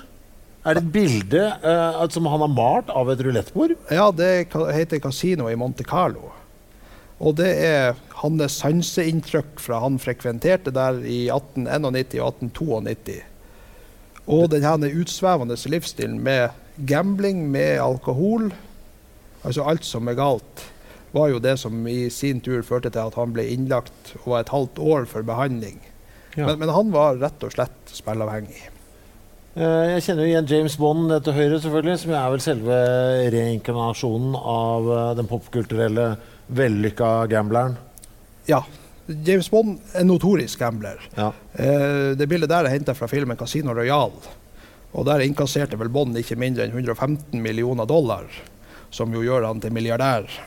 Og så var vel rasjonalet med at Bond skulle være såpass mye i kasino og drive på med kasinospill, eh, forfatteren Flemming sin idé om at en sann gentleman skal kunne beherske seg i kasinoet og være en dyktig kasinospiller. Så det her med å beherske seg i kasino OK, jeg har skjønt at jeg kommer aldri til å bli en gentleman. ja, han skal også kunne tåle å drikke ganske mye uten at det er et problem. Ja. Ja. Så er det sånn at eh, det er jo ei sånn berømt hand fra, fra filmen 'Casino Royal'. eh, der det var fire spillere som viste opp flush, hus, og så et større hus, og så James Bond sjøl, helten. Straight flush. Og oddsen for at det skal sitte fire spillere og ha nettopp de kombinasjonene av hender, er 1 til 17 700 milliarder. Så for en flaks at det skjedde akkurat i den filmen! Ja. ja. Nei, den gjorde kanskje ikke så mye godt, den. Jeg ser det Dostojevskij har du satt opp oppå der. Også en ivrig gambler. Ja, og han har jo egentlig altså det, Boka 'Spilleren' eller 'Gambleren' gir oss jo et veldig godt innblikk i hvordan det er for en som har spilleavhengighet. Han var også fullstendig hekta, spesielt på rulettbordet eh, i de europeiske kasinoene. Og han kan jo takke sin langt yngre kone for at han i det hele tatt klarte å komme seg gjennom de årene han var spilleavhengig. I, I tillegg til, til Dostojevskij så var jo landsmann Tolstoy Tolstoj i beste fall en problemspiller. Og han sa apropos det her med gentleman, at en sann gentleman er en mann som betaler spillegjelda si sjøl når han vet at han har blitt lurt. Ja. Tenk litt på den, ja. ja. ja. De to siste her vet jeg ikke hvem er. Nei, Uh, Ashley Revel i midten. Ja. Det er jo en av, av de virkelige gode gladhistoriene fra gamblingens verden. I 2004 så solgte han alt han eide og hadde. Huset, bilen, til og med klærne sine. Og så reiste han til nærmeste kasino med et TV-team på slep. Så fikk det briste eller bære. Han satte alt på rød. 135 000 dollar. Og vant. Å, herregud. Og for de pengene han vant, så kjøpte han seg selvfølgelig tilbake både klær og bil og det som han trengte. Og I tillegg så lagde han ei nettside for gambling. Så han ble jo da en vellykka gründer. Takket være at han hadde vunnet alt på rett farge. Den der kjøper jeg ikke, den storyen her. Nei, men, men det, det, er såpass mange bevis for at uh, den er sann. Du Ja. kan se videoer på, ut av det på YouTube. Men tror du ikke han hadde en liten backup der? At det var, var en liten sånn god gründer? Vet du, nå skal jeg lansere en gladhistorie om gambling, og så skal jeg tjene penger på andres gambling etterpå. Ja, og, og det er uansett kjempereklame for spillbransjen. Og han siste gladfisen nede i hjørnet her, hvem er det? Det er Paul Merson. Fotballspilleren? Fotballspilleren Paul Merson. Ja. Rusmisbruker og notorisk. Helt fullstendig clean spillavhengig. ja. Han er i dag en, en uh, mann på 55 som får lommepenger av kona. Kan ikke ha visakort. Uh, han kan ikke ha penger på konto. Han har helt siden han var aktiv fotballspiller på 90-tallet uh, vært spillavhengig. Og han har spilt bort alt han har tjent på sin fotballkarriere, og det er jo snakk om mange titalls millioner pund på gambling. Vet du hva han har brukt det på? Ja, han var eh, odds high. Men, men han har også spilla på alle tenkelige spill der han kunne komme inn. Mm. Men eh, han sier det at for han så var det den langvarige rusen. Så han valgte seg de kampene eller de spilleobjektene som tok lengst tid. F.eks. baseball, som jo kan vare i tre-fire timer. Det likte han å spille, for da hadde han lengst glede ut av, ut av spillinga si. Så er det, det er litt artig historie, for det at eh, stakkars Paul Merson Tilfeldighetene ville det sånn at når han hadde eh, gått over til Middlesbrough i 97, så kom der en annen kar som eh, kanskje er bedre kjent for sin eh, rusavhengighet, Paul Gascoigne. Og da ble det sånn at uh, Merson og Gascoigne de bodde sammen i samme leilighet fra i, i januar i 98. Paul Gascoigne han hadde ikke tålmodighet til å bli spilleavhengig. Nei. Han var altfor rastløs. Men de klarte liksom å, å møte hverandre der, og sammen med noen kamerater så oppfant de et spill. Gessa hadde fått eh, sovetabletter, og det spillet gikk ut på at man en gang i halvtime skulle ta ett glass vin og en sovetablett. Så la man innsatsen på bordet, det var klokke eller det var cash eller andre verdier. Den som sist sovna, han stakk av med hele potten. Fy faen. For det var, okay, når alle sover, så kunne du bare ta penga? Ja, og, og da var det jo veldig kamp om å holde seg våken. Og da var det visstnok flere ganger at en trodde at han bare kunne grafse til seg, så var det en som i halvsøvne sa «Øy, ikke ennå. Ja. Det gikk ikke så bra, eller? Nei, Nei. det gikk jo som det måtte gå. Ja, og så er det jo fordi at det er relativt mange fotballspillere som har fått spilleproblemer og spilleavhengig eh, både under og etter karrieren. Det finnes også eksempel med norske fotballspillere som har hatt spilleavhengighet. Og her er det jo litt interessant, for det at eh, det er så få musikere som har vært spilleavhengige. Ja. Ja. Jeg, jeg, Jeg- tenkte på på. Vi snakka om det på telefonen Ja. nå. Det var veldig rart. Som, akkurat som, så- som, som går fra, fra pokerbordet uten å ha tapt alle pengene. altså, Hva tenkte du på? Nei, ja, ja det, det, jeg, jeg tenkte på når vi snakka om det her. Jeg prøvde å lete litt sånn i kartoteket. og det er litt sånn, Man vet jo om noen, men det er ikke et sånn trekk på samme måte som det er blant fotballspillere, f.eks. Uh, hvor det går igjen litt. Det er rart. Jeg er ikke sikker på hva det er. Nei, jeg, klarte å, å finne fram til eh, noen få eksempler på musikere som har vært spilleavhengige. Mm. Og da eh, skal vi til frontfiguren fra Motorhead. Lemmy var glad i å spille, ja, selvfølgelig. Ja. Ja. Og han likte spilleautomater og kortspill.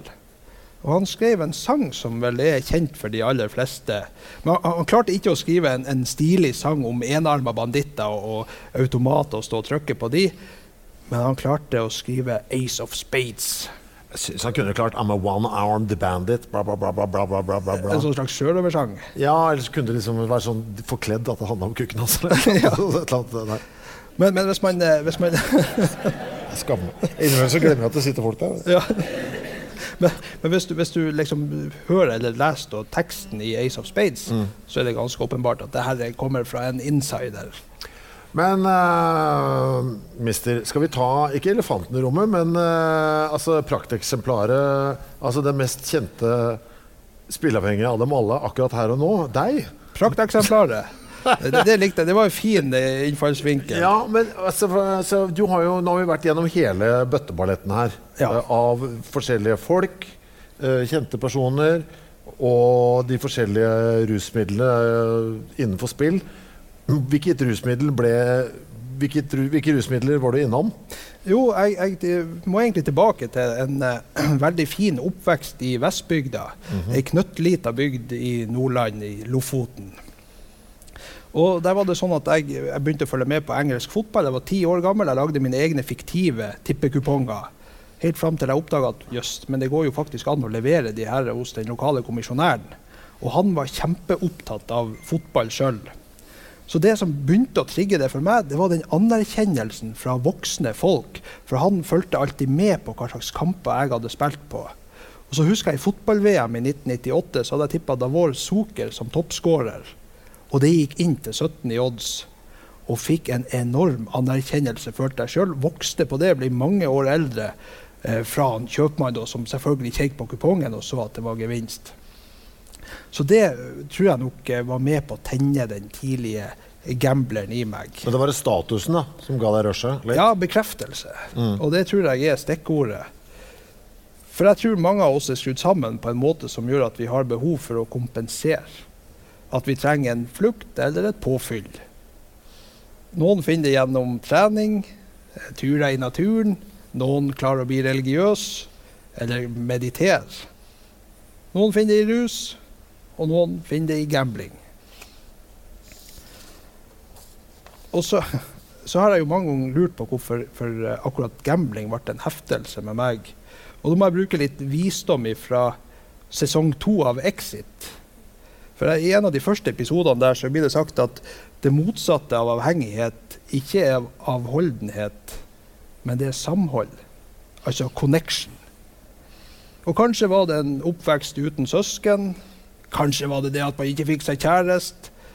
Eller den konstante følelsen av å være annerledes. Som gjorde at jeg klarte å fylle, eller i hvert fall lappe sammen det tomrommet som var inni meg, med gambling. Så var det først på videregående skole at dette begynte å bli et problem, at jeg gikk over til å bli en problemspiller. Jeg bodde på hybel. Jeg var ikke kul. Og jeg var feit. Og det var Du har kanskje sett 'Ringenes herre'? Eh, til å begynne med, når han Frodo tar på seg den ringen, som er en slags hjelp og støtte, for han forsvinner. Han kan gjøre seg usynlig og kommer seg unna farene. Og på samme måte så fant jeg liksom den ringen i, i form av gambling. Det ble ei trøst, det ble en flukt, og det ble en motivasjon. I lange perioder så var det det som gjorde meg heil. Hva er det du spiller på dette tidspunktet? Nei, da altså Allerede fra jeg var 18 år og kunne ha mitt eget visakort, så begynte jeg å spille på, på eh, nettkasino. Så, så drev jeg på som pokerspiller i mange år. Og det her er ikke noe jeg er stolt over, først og fremst fordi at eh, jeg ikke klarte å lure systemet. Jeg klarte å lure andre spillere, for det er jo det poker er. Du spiller ikke mot huset først og fremst, men mot andre spillere. Så jeg har bl.a. en livstidsdom. Jeg er utestengt på livstid fra den største pokersida som finnes Fordi fordi at jeg juksa. Hvordan juksa du? Nei, jeg hadde en god kamerat som jeg spilte på lag med. Vi gikk inn på seksmannsbord. Oh, ja. Og når du plutselig da vet 40% av sant, Ja, kortene ja. Mm. Så, Men jeg, jeg var i hvert fall en problemspiller i mange år. Jeg kunne bruke alle pengene jeg hadde på kontoen, men var aldri å hente inne på, på eh, sparekontoen eller lånt av kamerater og sånn. Og det var liksom før og etter en eksamen, når jeg skulle bli far, da jeg begynte å reise mye i jobben. Jeg kompenserte og lappa alle de her holdene som jeg hadde inni meg, med å sitte og gamble. Og gjerne sammen med litt alkohol. De fulgte jo hverandre som ja, piker, vin og gambling, holdt jeg på å si. Men det var jo en kompenserende strategi som fungerte. En stund. Ja, og det var jo, altså, Jeg hadde alle klistremerkene i boka fra søndagsskolen. Det Var jævla pliktoppfyllende da jeg var liten gutt. Så dette var også en måte som gjorde meg til å bli en litt sånn bad boy. Jeg gjorde noe som var litt på kanten, som ikke de andre drev på med. Være litt mørkemann Ja. Men hvor eh, Altså, når du sier du spilte og, og, altså Er det da som kasino, sånn eh, spilleautomater på nett det går i? Ja, Også? det var etter hvert det som oh, ja, etter hvert, ja. Jeg fant min heroin. Ja, ikke sant. For enn så Ja. lenge så er det bare på alkoholen. Uh, i Ja, da er vi på odds og poker. og det Nettopp. ja. nettopp. Så det skal, skal eskalere. Det eskalerte fra snus og Nettopp. ja, Mm. til at det ble det tyngste av det tyngste, og altså nettbaserte spilleautomater.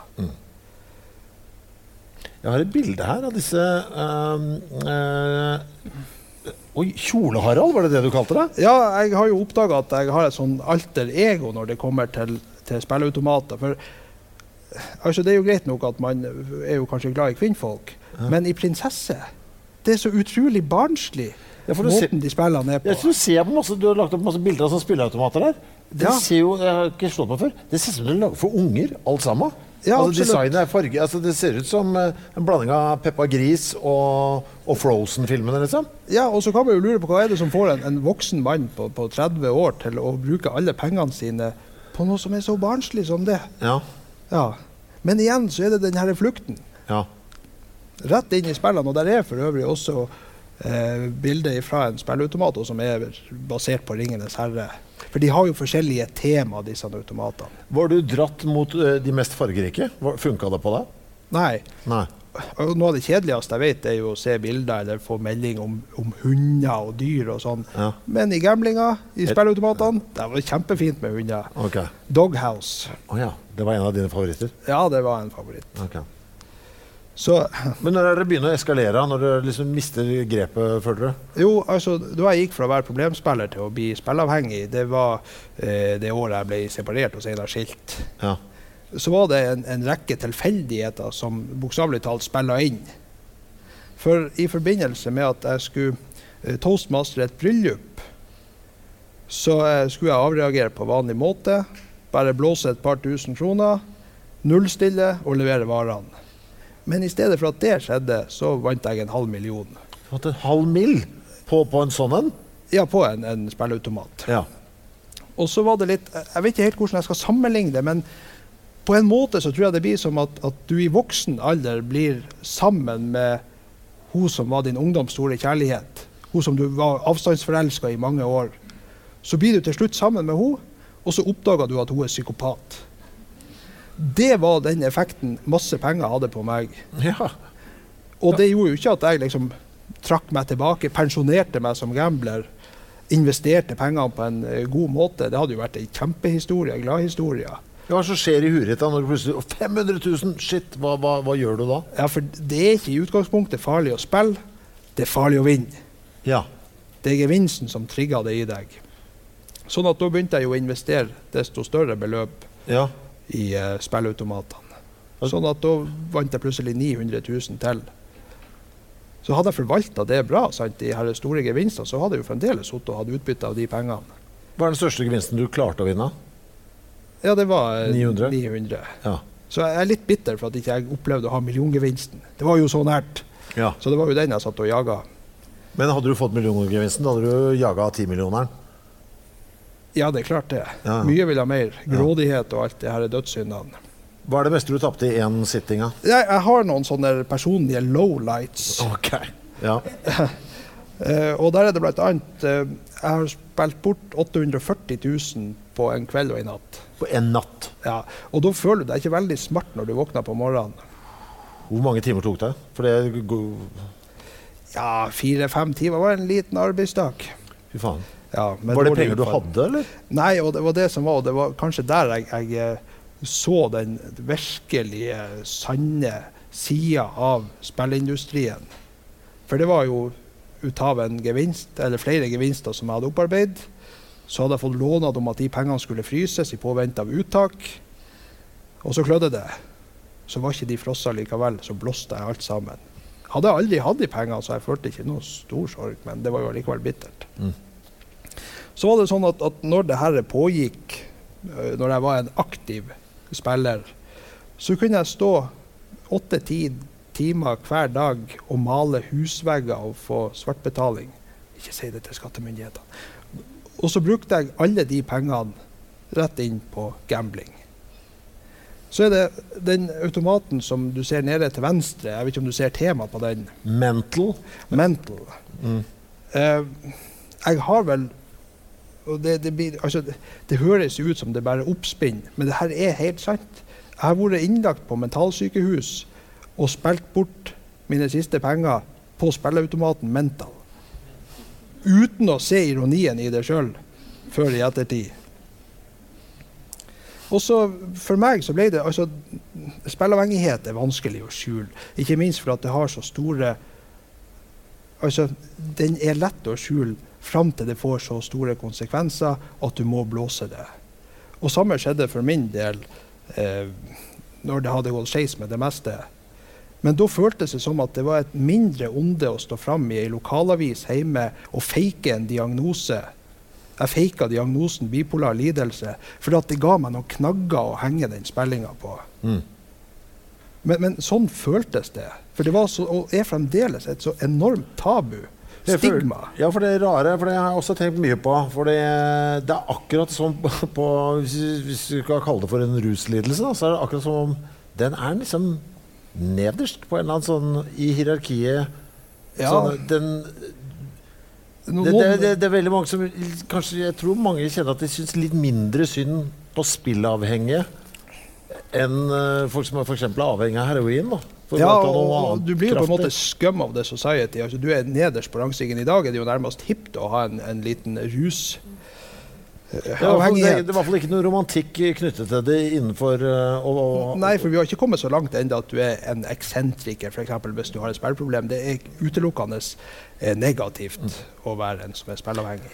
Hvor, uh, men, men, og jeg, jeg tror altså for meg så ble det jo også det som hadde i sin tid fått meg opp og fram, det som hadde vært med på å lappe det hele sammen, så at jeg kom meg dit som jeg gjorde, altså spillinga, var til slutt det som også velta hele lasset.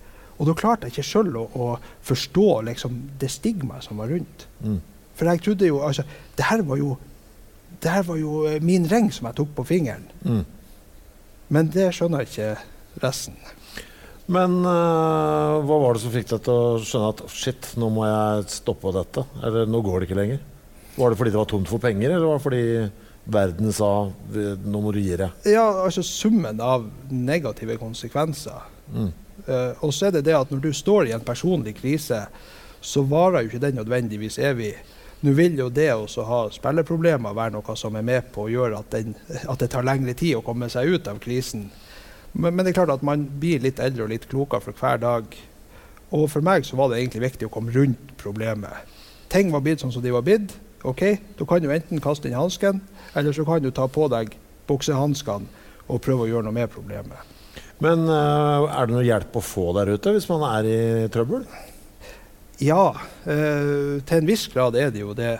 Der er mange flinke, dyktige, hyggelige mennesker som tar imot deg hvis du søker hjelp.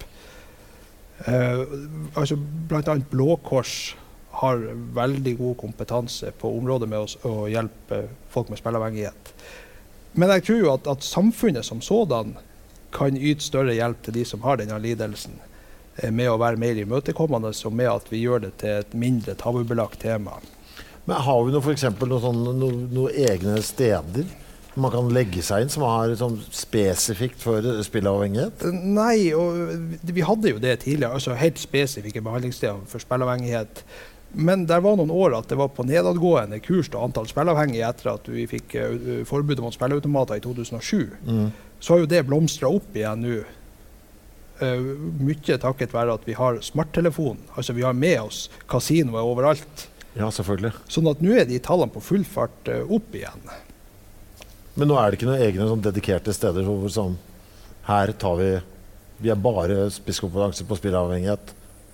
Nei, ikke som jeg er kjent med per i dag, i hvert fall. Nei. Nei. Så altså, spilleavhengighet, eller eh, patologisk spillelidenskap, som det heter på fint, det er en sykdom. Og det ble det i 2013. Og ganske nylig. Ja. Og så har jeg funnet altså, eksempler på at, at hjernen til en som eh, spiller nettkasino for eksempel, og spilleautomater, den blir påvirka i større grad enn når du tar kokain. Så det sier noe om den enorme påvirkningskrafta spesielt de som spilleautomatene har på hodene våre. Mm. For Det virker jo som det er eh, I forhold til mange andre rusmidler, så er denne jo veldig hva skal vi si, psykologisk betinget. Den er liksom veldig sånn uh, Ja. Drevet av, av de belønningssentrene på den måten. Ja. Uh, og ikke minst det her med den menneskelige hjernen sin evne og sitt ønske om å se systemer. Mm. Det å tro at man har funnet liksom, måten man kan knekke kodene på, f.eks. å vinne på spilleautomater eller på odds eller Lotto eller hva som helst, det er også en sterk eh, medvirkende årsak til at man opprettholder og fortsetter å spille. Trodde også, du oppriktig at du, kom, at du, visste hvordan du skulle slå disse maskinene? Ja, du gjør jo det. Ja. Men, men altså, etter hvert så, så, begynner det hele å falle på sin egen urimelighet. Um, en spilleautomat som heter Jackpot 6000, det ligger i navnet toppgevinsten er 6000 kroner. Jeg har jo brukt kanskje 100 000 på å jage den toppgevinsten på 6000. Så når du på en måte blir klar over de paradoksene som ligger i det du holder på med, så faller det på sin egen urimelighet også. Mm. Men du fortsatte likevel? Ja. Ja. ja. ja. Det er lov å le av det nå som du er ferdig med det? Ja, ja, absolutt.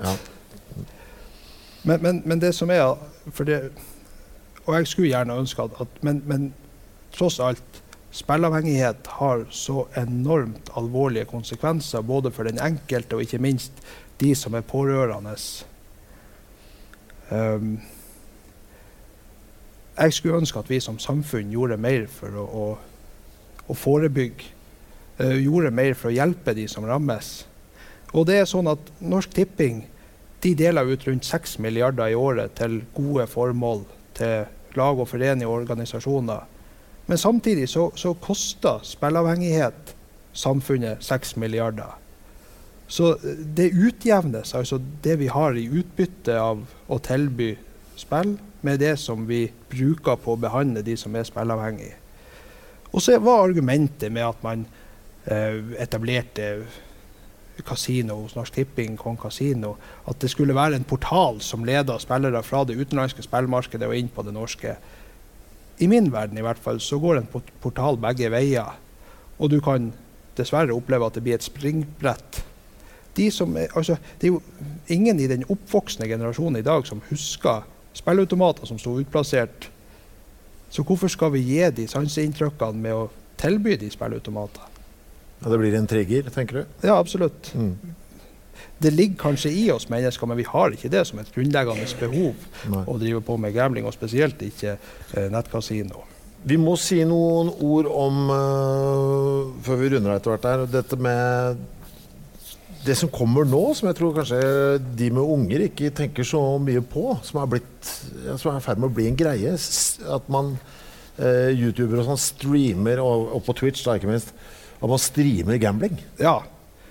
Altså, det vokser jo stort. Ja, absolutt. Å se på at andre bruker masse penger. Det er big business. Ja. Det er mye penger i spill. Ja. ja. Og, streaming altså, Det høres helt merkelig ut for noen som, som ikke har vært bitt av basillen sjøl.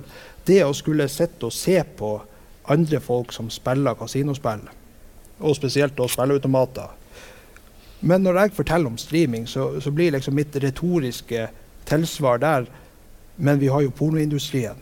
Altså Vi ser jo på folk som gjør det som vi sjøl er interessert i. Det er jo samme å se på fotball eller se på andre ting. Har du interessen, så følger du med. Og det er jo, altså, Streaming av kasinospill er jo fattigmannsgambling. Nøyaktig de samme mekanismene trigges i deg når du ser på en stream som når du spiller sjøl. Belønningssenteret får stadig vekk påfyll. Eh, så har jo vi i Norge vært lillebror også i gamblingverdenen. Så det var jo i Sverige at, at uh, denne streaminga begynte å ta av for alvor i 2016. Å oh, ja. Så har vi Oi, oi, der. Ja, en som heter Rorstein. Han er den største streameren i dag. Han har over én million følgere bare på Twitch. I tillegg så kommer jo andre plattformer som Kick og YouTube osv så, så, så, kan man jo lure på er det ekte, dette, eller er det bare spill for galleriet, altså skuespill? Han Rorstein han har 1500 dollar i innsats per trykk. Han spiller gjerne fire-fem automater samtidig med hurtigspinn. Hvilket betyr at han hvert annet sekund i snitt satser 1500 dollar. Det betyr at han omsetter for minst 10,8 millioner dollar i timen. Eller over 1 milliard kroner i løpet av ei streamsending som varer i 8-9 timer. Dette setter jo alle de som ser på, eh, og får med seg. Altså, det er jo enorme beløp i spill. Den psykologiske faktoren i det er enorm. Og om det er ekte eller ikke altså Måten spilleautomatene er bygd opp på, gjør jo at det trigger alle de som sitter og ser på. Så kan du tenke deg den markedsverdien. Altså én million følgere alene på Twitch. Så er det ikke sånn at, at hver som, som uh, spiller på et kasino, bare legger igjen én krone eller ti. Her er det jo snakk om hundrevis, tusenvis av kroner hver gang de er i drift det blir enorme summer for spillselskapene også, som jo vet selvfølgelig om å utnytte denne markedsføringa gjennom de eh, affiliations, altså streamingbonuser og annet som de får, de som er streamere. Nå er dette også på full framvekst i Norge. De første norske eh, streamerne av kasinospill kom i 2018-2019 og har vokst fra 0 til 10 000 og nå til 100 000 følgere. Og for de som er barn og unge i dag, så ligger også gamblingelementene i veldig mange tradisjonelle dataspill. F.eks. Fifa, der du kan kjøpe en mystery box. Altså, du betaler penger for noe du ikke vet utkommet av. I ordets rette forstand. Altså, det, det, blir gambling. Men Ser du for at det er et problem at kidsa kids i dag sitter og ser på folk som svir av uh, Yes. Ja, fordi de, når bankkortet kommer i, på 18-årsdagen, så De er ferdig rigga. Ja. Ferdig rigga for å bli spilleavhengig. Og du, har, altså, du kan sitte og følge med på Twitch på folk som spiller tradisjonelle dataspill. Så har du det bare ett klikk unna til du sitter og følger med på, på streaming av kasinospill. Og du skal... får hele tida skutt inn altså, samme dopaminet og endorfinene. Så hvis jeg skal tenke taktisk nå for framtiden, så burde jeg egentlig slutte med rekommandert-podkasten. Og så bare begynne å rekruttere masse gode behandlere og opprette spilleavhengighetsklinikker over hele landet? For det kommer til å være big business om noen år? Ja, da tror jeg du hadde blitt eh, en om mulig enda større hedersmann enn du er i dag. ja, men eh, Nå tenkte jeg business-siden. Oh, ja, business, ja, ja. Jo, men det er klart at, at eh, si, det enes død, den andres brød. Ja. Det, det, ligger jo mye penger i behandling generelt. Så jeg skulle jo gjerne ønske at noen Er myndighetene oppmerksom på dette? Eller? Har du følelsen av det? Vi, eller er det bare folk som allerede kjenner til det, som er oppmerksomme oppmerksom på at dette Nei, kommer? Jeg, jeg syns jo ikke myndighetene er oppmerksom på det. Nei. Og Dette er jo bare mitt syn som altså spillerperspektivet. Mm. Eh, så hadde vi altså Lotteri- og stiftelsestilsynet. De brukte 600 000 i fjor på en kampanje som skulle få sport fra utenlandske spillselskap.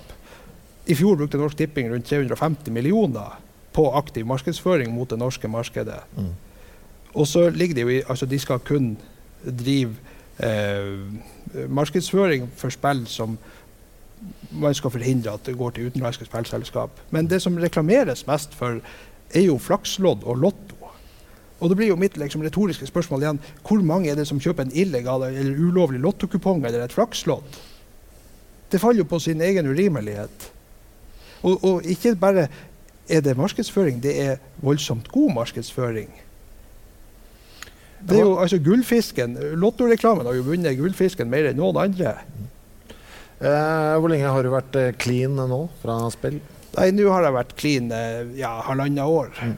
Kjenner du suget eh, ennå når du går forbi en automat? Nei, men jeg blir mer forbanna okay. uh, av, å få reklame f.eks. På, mm. på telefon eller se det på YouTube eller uansett.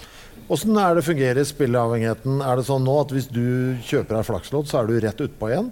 Litt sånn hvis jeg tar én øl nå, så, jeg, så, er, så, kan du bare skru klokka fram to måter, og så er det full, full Nei, katastrofe? Nei, da må vi igjen tilbake til det sammenligninga med andre rusmidler. Ja. Men hvis du tar og setter deg ned med litt sånn kasinoslots nå, er det da full blown katastrofe? Det tør jeg ikke å ta sjansen på. Nei, men vi må anta det. Ja, ja, altså det er akkurat som Hvis du først blir alkoholiker, så er du det livet ut. Ja, Og det, det er samme mekanismen her? Helt samme. Mm.